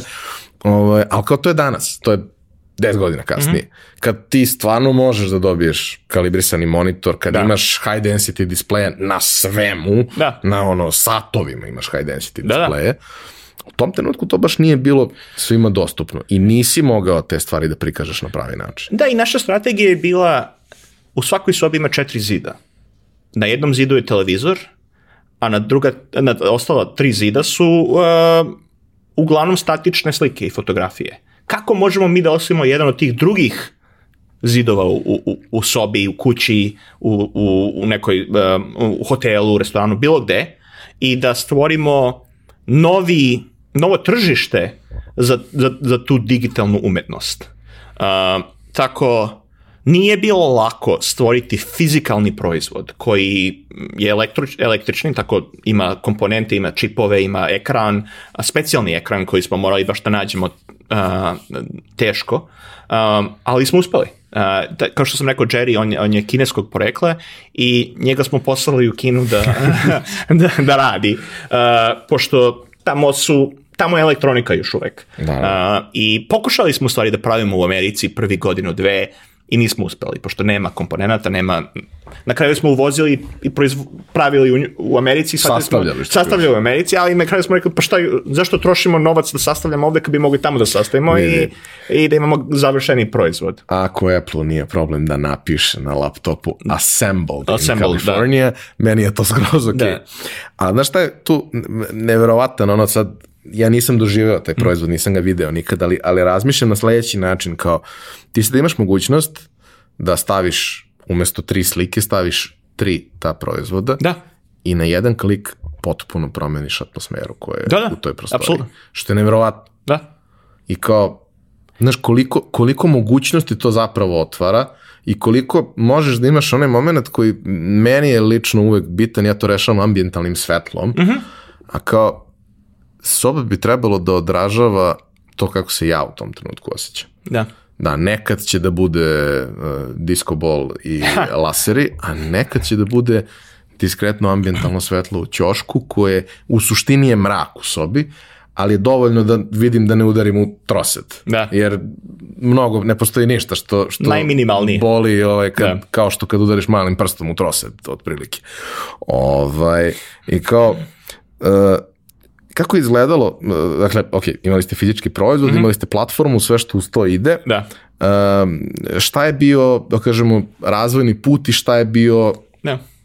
ishod tog projekta? Da, mislim, e, to je ono, full, full stack uh, uh, ideja, pošto ne samo imaš digitalnu platformu i tržište, nego imaš i elektroniku, hardware, firmware, um, imaš uh, drvenariju, mi smo stavili drvene ramove, uh, znači to izgledalo kao slika, ne kao televizor ili kao neki, um, neka tehnologija, nego je baš često ljudi nisu ni znali da gledaju digitalni ekran dok se ne promeni. Kad se promenilo, rekli su, wow, ovo je digitalni ekran, pošto smo uspeli da stvorimo neku tehnologiju koja je, nije bila prava tekstura, ali je izgledalo kao da postoji tekstura u, u, u ekranu, pošto smo uspeli da stvorimo vrlo duboke tamne boje. Da, Znači, što je najveći problem bio u tom trenutku. U- da. Crna nikad nije bila crna crna. nikad nije bila crna.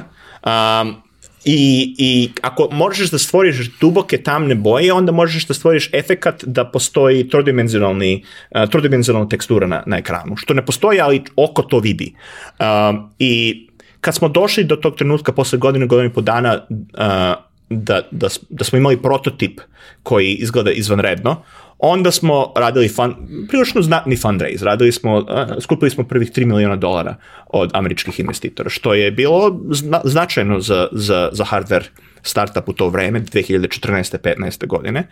I tada smo počeli zvaničnu proizvodnju u Kini sa tim, sa tim novcem. Pošto do tada smo radili uglavnom u Americi, a kad smo imali resursa, stvorili smo proizvodnju u, u Shenzhenu, u, u, u Kini, gde se sva velika elektronika proizvodi uh, i, i počeli razvoj firme. Na kraju krajeva mi smo prodali nekih 200-300 hiljada komada Wow. tog proizvoda pre nego što smo došli do A runde. E, e, videli smo da nam je trebalo još kapitala, još novca. Vrlo je skupo proizvesti hardware i tada smo skupili oko 5 milijuna, do, 5 milijuna dolara Series A runda, znači to je kao druga veća runda i jedan od naših investitora je bila firma koja se zove Netgear. Netgear pravi rautere, ostale uh, internet proizvode i oni žele da se šire van ono, standardnih proizvoda, žele malo da imaju širi Da, obim. to je bio trenutak kad su svi hteli da uđu u Internet of Things. Tak, tačno. I A su- ovo je baš e, lep Internet of Things. Internet of Things koji je na neki način niš, mali, malo tržište, ali postoji šansa da bude veliko tržište. I mnogo je lepo da ga pokažeš u portfoliju. I mnogo je lepo u portfoliju. CEO voli da kaže da je ima kulturu i da, ima, da, je, da, je, da je spretan, tako to, to se slaže sa time. I oni su bili najveći investitor u toj A rundi za nas. Uh, ubacili su nekih 40-50% od, te, od tih 5 miliona dolara.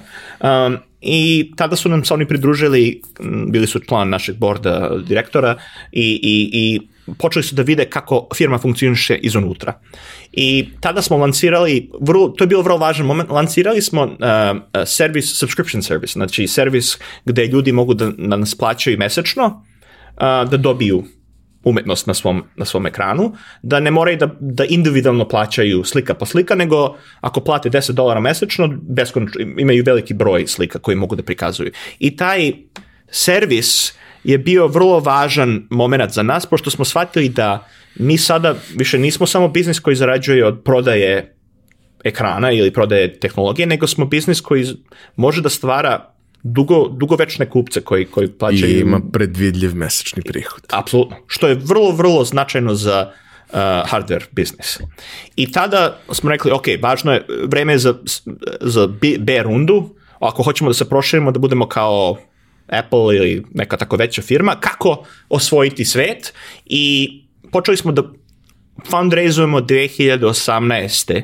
za B rundu i odjedan put me pozvao Netgear na sastanak. Uh, oni su rekli dođite kod nas, hoćemo da pričamo o nečemu. Um, ok, i mi smo otišli kod njih i oni su nam rekli mi ne želimo da vi idete na B rundu, pošto tada će firma biti previše skupa za nas. Uh, vrednost firme će biti na određenom nivou, iznad nivoa gde bi mi hteli da platimo za tu firmu i mi bi želi da vas kupimo u ovom, u ovom trenutku. Uh, tako je sam rekao, ok, uh, super, uh, dajte nam ponudu. I onda su nam oni dali ponudu, mi smo popričali s našim investitorima i tada smo odlučili 2018. da prodamo celu firmu, ne samo deo, pošto su oni već imali deo, celu firmu Netgearu. I tada smo postali Netgear Mural produžetak i to je bilo kao ceo ciklus tog iskustva. Um, wow. Da, dugačak, ali dobar. Ne, ne, ali uh, ceo proces je wow i beskreno ti hvala što si ga podelio i mislim, vidi, ja sam uradio mnogo intervju u životu. E, ne bih sebi nikad uprostio da ne radim ovaj u ovom trenutku. E, ok, to je tvoja druga firma. Mm -hmm. Ono što se prethodnih, da kažemo, nedelja pojavivalo u medijima je treće. Da. I treća je opet hardware, recimo, mm. ali nije tehnološka firma. Odnosno, i jeste i nije. Mm. Nije baš u klasičnom smislu. Uh, meni je bilo Za jako sada. interesantna, uh, jer uh, bukvalno ono, uh, to je jedan od trendova koji sada postaje jako važan, a to je uh, životna sredina, vođenje računa o životnoj sredini, mm -hmm. vođenje računa o poreklu uh, sirovina i svega toga, jer kao shvatili smo konačno, malo nam je više trebalo nego što je normalno, da smo prilično sjebali ovu planetu na kojoj živimo. Mm -hmm. I da baš ono ne vodimo računa i da mislimo samo na sebe. I onda ovi koji su malo samosvesniji su shvatili da možda ne bi bilo loše malo više računa da vodimo i o planeti na kojoj živimo, jer za sad imamo jednu, i ne deluje baš bez obzira na Maska i sve ostale i da. Bransona, ne deluje baš da ćemo tako brzo da se selimo na sledeću, da. nakon što ovu propastimo. Ovaj, I u tom trenutku mi saznajemo da čovjek poreklom sa ovih prostora uh, ima jako zanimljiv proizvod koji je prikupio jednu lepu rundu investicija I ja onda odlazim na taj sajt i vidim sajt koji je jako lep, sređen, uredan, pregledan, prirodan, sve što uz to ide. I kažem, dobro, onda istražim ko je taj čovek i kažem, ok, ovaj čovjek treba da dođe. Uh mhm. -huh. A o čemu se radi? Kakav je to proizvod? Kako si došao do njega? Pa, na neki način ova treća firma, Better and Better, je najpersonalnija, najličnija, naj, najveći produžetak mene. Pošto, um, kao što smo pričali, ja imam uh, skoro celog života iskustva sa zdravstvom, zdrav, uh, zdravstvenim ustanovama, uh, ličnim zdravstvom, ličnim zdravljem um, i um, znam moć navika, svakodnevnih stečenih navika. Uh, od, od malih dana sam morao da imam fizikalnu terapiju, od malih dana sam morao da jedem određene stvari, da pijem određene stvari, da pijem lekove um, i kao što smo rekli, uspešno sam se izlečio uh, od, od raka, ali tu su ostale dugačke posledice. Jedna od tih posledica je nedostatak određenih vitamina i minerala. I naročito vitamina D. Vitamin D je vrlo važan za sve. A pritom svi imaju Sada da. vitamina D, jer Tačno. kao Ne izlazimo a, na sunce više. A, e, ne idemo na plažu a, dovoljno. A, i, i pijem te pilule za vitamin D svaki dan, godina, dve godine, tri godine. Često a, imam a, bolove u stomaku od toga, pošto to su velike doze, telo nije stvoreno da primlja da primi toliko ogromnu dozu a, vitamina i razmišljam pa mora da postoji neki bolji način, mora da postoji nešto bolje da nam da te minerale, vitamine, da ne moramo sad mi da da se ubijamo od, od, od određenih lekova, određenih pilula i tako dalje. Tako, tokom murala, tako, znači još tokom prošle firme moje, uh, počeo sam da eksperimentišem. Kako, kako mogu da dobijem te, uh, uh, naročito vitamin D, a da ne moram da pijem tu pilulu svaki dan. I počnem da razmišljam o, o sprejovima, različitim preparatima koji mogu u ustima da se upiju. Znači, direktno da odu u krvnu uh, uh, sliku, ne da, da idu kroz, kroz stomak i kroz, kroz jetra, nego, nego direktno u krv. I tada razmišljam, pa da li je moguće uh, dati dozu značajnu uh, preko kalodonta, preko paste za, preko paste za zube.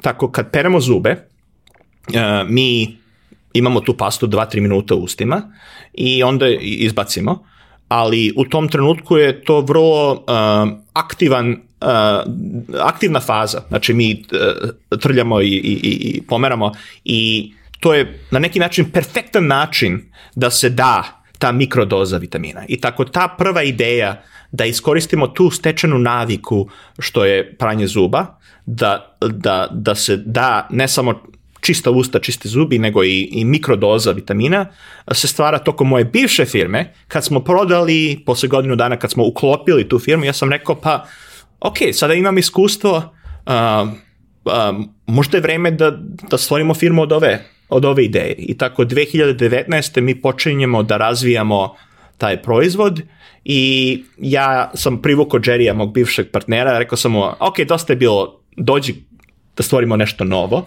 i on je rekao važi i, i tad smo počeli da razvijemo ovu novu firmu 2019. Trebalo nam je otprilike oko godinu i po dana da dođemo do proizvoda koji je bio prihvatljiv i lancirali smo prvu verziju početkom prošle godine, 2021. Napravili smo oko 10.000 komada da testiramo dve stvari. Imali smo dve, dve stvari što ćemo testiramo. Jedno, da li možemo da napravimo? Da. I da li ljudi tu stvari žele? da li postoji tržište za tako nešto? I prodali smo prvih 10.000 komada za otprilike 6 meseci i shvatili smo, ok, možemo i ljudi žele. Vreme je za prikupljanje pravog, pravog novca i tada je počela ta priča uh, sa investitorima našim i, i, i svetskim. E, imam inače moment ponekad u podcastu da ovaj, ispričam neki uh, užasan detalj iz svoje prošlosti i jedan od njih je da sam ja jedan od onih uh, koji su one dečije paste za zube um, toliko voleli, a bili povezano sa mojom smotanošću, mm -hmm. ja sam prvih tri meseca gutao paste Aha, za zube da. nakon što završim pranje jer nisam znao da ispijem. Da, da a i dečje paste za zube su imali super ukus da, da. u tom nekom periodu. Slatkiš. Ovaj, uh, ok, imaš proizvod, imaš proof of concept, mm -hmm. imaš uh, feedback sa tržišta, da. znaš da li nešto treba da koriguješ, znaš u principu da taj jedan proizvod i jedan proizvod da oko toga treba praviti portfolio proizvoda u da. perspektivi. A, u industriji si koja je mm, eksplodirala prethodnih godina, da. posebno tokom korone kad smo počeli konačno malo više da, da razmišljamo svi računa o zdravlju. Ovaj, a i kad smo bili zatvoreni pa su svi imali insuficijenciju mm -hmm. vitamina D. Ovaj, ja mislim da bukvalno možda znam dve osobe koje ne piju vitamin D mm -hmm. sad. Ovaj, uh, I kako sad to ide? Ok, ti imaš prvo ti si čovjek koji već ima nekoliko uspešnih biznisa iza sebe sa exitima, da. već si prepoznat u zajednici, imaš kontakte, poznaješ investitore, ali sad je ovo nešto drugačije, nije ono, nije baš klasična tehnološka priča, iako ima tehnologiju kao svoju komponentu, jer kao hemija je isto nauka, da, da. ali nije, nije hardware, nije, mm -hmm. elektronika. Nema touch screen, što da. se kaže. Ovaj, Za sada. Dobro. Mm -hmm. A, kako je to išlo? Da, mislim, u pravu si, nije ono klasični venture business, nije klasično ono, uh, silikonska dolina, odeš, fundraizuješ od, od bivših uh, uh, CEO-a ili preduzetnika koji su stvarali tehnološke firme i onda stvoriš novu tehnološku firmu. Nego je nova vrsta firme. I bilo je vrlo važno da mi prezentujemo šta u stvari pravimo. Mi ne pravimo proizvod, mi ne pravimo uh, uh, čak ni portfolio proizvoda, nego pravimo čitav sistem koji može pasivno da nadoknadi nedostatak minerala i vitamina i čak i možda drugih sastojaka u budućnosti. To jest da naš plan je da napravimo firmu koja personalno zna ko si ti, šta radiš, gde živiš, koji su ti nedostaci i kroz to da preporučimo ovu pastu, ovaj sapun, ovaj šampon, uh, ovaj, uh, ako, ako, uh, kao, ovaj, uh, karmin, uh, bilo šta. Uh, kolekciju proizvoda koji dotačenju tvoje telo tokom dana, ali na pasivan način i mogu da ti daju sve što ti treba bez pilula, bez različitih dodataka i disrupcija tvog života. Tako, ta velika ideja, ta velika ideja da stečene navike mogu da budu povećane na taj način da se stvori celokupni neki zdravstveni sistem uh, je, je, to smo pičovali, tu veliku ideju. I kad su investitori videli da, ok, to nije samo kaladont ili pasta za zube, nije samo krema, nije samo sprej za, za usta, nego je čitav personaliz, personalizovan sistem za zdravstvo, za zdravlje, to može da bude nešto što u, mi možemo da ulažemo u to. I može da bude nešto što je firma koja vredi 100 miliona dolara, 500 miliona dolara, bilion i tako dalje i tako dalje. Tako, um, vrlo je važno prezentovati celokupnu viziju. Uh, čini mi se nekako, barem bih ja to tako objasnio, da ti imaš misiju i viziju da u narednom periodu popraviš ovaj svet čoveka po čoveka, a da oni ne moraju time da se bave. Tačno. Pošto ako moraju, neće. Većina neće. Neće. Zaboravit će, da. da teško im je to sve. Da. Ono, ako napraviš to u varijanti gde ja dođem, kažem, popunim upitnik i tako dalje, ti mi napraviš set, ja kliknem na subscription i to mi stiže Da. i kao ti si završio ceo posao za mene. Da. Ti si mi olakšao beskonačno ceo proces i ti si u suštini uradio moj posao. Čak možda A ja produži- imam benefite od toga. Produži život. To je cilj. Apsolutno. Ak- Ako možemo da I produžimo... povećaš kvalitet života. Tačno. Apsolutno. To je, to, je, to je cilj firme, da, da postoji celokupni dobitak za, naš, za naše društvo. I, I ranije si spomenuo isto ideju ekologije i, i, i ideju um, našeg ambijenta svetskog. Um, to je neki minimalan nivo um, uh, dodatka naše firme. Znači, recimo, uh, mi pakujemo pastu ne u plastici, nego u, u pakovanju od, od, od šećerne trske. Uh, imamo flos i četkicu zube gde nula plastike ima, nema ni, ni, ni malo plastike. Uh, to je onako temelj, a na taj temelj se gradi uh, taj čitav sistem. Tvoja priča je neverovatna. I sad smo došli do trenutka sadašnjeg. Mm -hmm. ovaj, I sadašnji trenutak je ono što smo videli u medijima. Da. Dakle, ok, možda nije baš idealan trenutak da ti Will Smith investira A, u biznis, a možda i jeste idealan trenutak. Da. Mislim, ja i dalje imam, ono, u mojoj glavi je to sve stageovano, mm. -hmm. jer kao, ne, ne izgleda to onako i nasmeo se kad izlazio sa scene i, mislim, ne mogu da kažem, imao sam taj neki period navijački, mm. -hmm. kad te udari onako čovek, ne ostaneš ti da se ne pomeriš pošteno sa mesta. Mm -hmm. Mislim, okej, kako god. Mo, možda, možda sve to pogrešno tumačim, nije ni važno. Mislim da je to bio publicity stunt da ono Oscar uh, sledeće godine bude gledaniji nego što je bio, jer realno postoji značaj Da. ono decline ovaj, publike.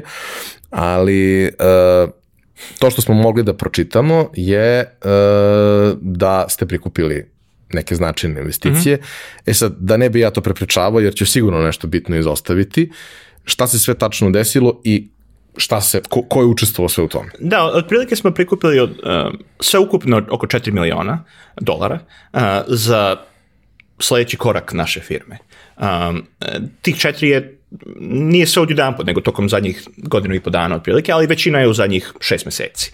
I uh, lead invest, investor, investitor, naš, je, je novi fond koji se zove Fifth Quarter Ventures. To je novo srpski američki fond um, koji vodi Tihomir Bajić. Um, on je vjerojatno pričao s vama u nekom trenutku.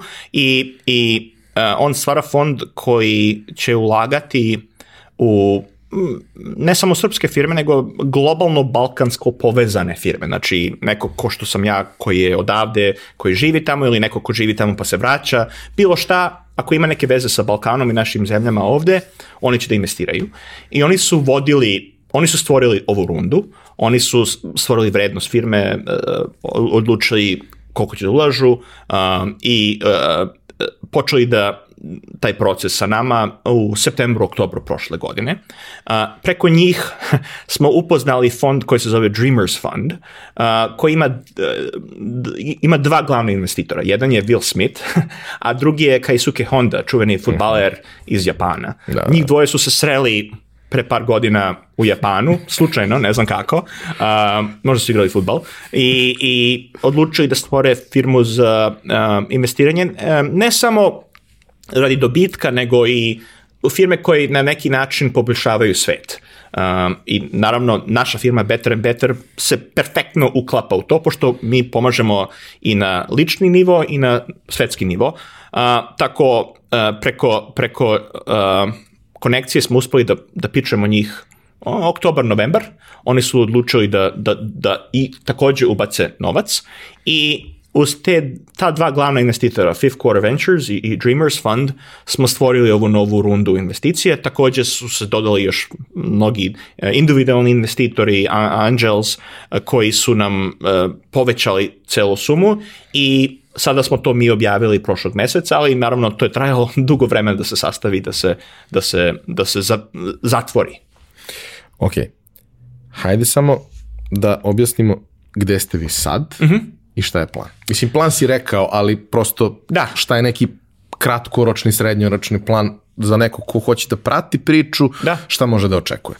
Da, mislim, taj novac apsolutno ide skroz u novu proizvodnju, uh, u, u razvoj novih proizvoda, to što, ko što sam rekao, i marketing i, i, i branding. Tako, mi smo još uvek vrlo mala firma sa novom idejom, tako da ta ideja kad neko čuje kaže aha wow apsolutno to ima logike i, i, i uh, ja hoću da probam to ali mi smo sada 0,0001% uh, uh, populacije postigli što se tiče uh, uh, tog brandinga i, i marketinga tako naš glavni cilj sledećih godinu, dve, tri je da ljudi znaju o nama da znaju o firmi, da znaju o ovom konceptu i da počnu da probaju taj koncept. Znači, na neki način mi moramo da edukujemo tržište pre nego što osvojimo tržište.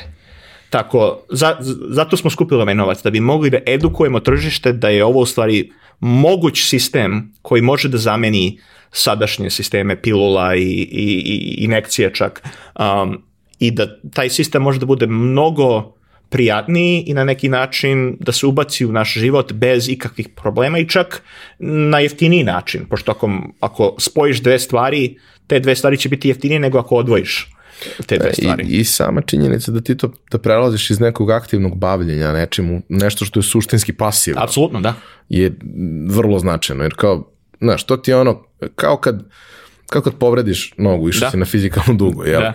Povrediš nogu, ti ideš da, da središ dok ti noga ne postane funkcionalna. Da. Onda ti kažu, e, sad pošto ti je funkcionalna i možeš da hodaš, sad narednih tri meseca treba da radiš ove vežbe. Da.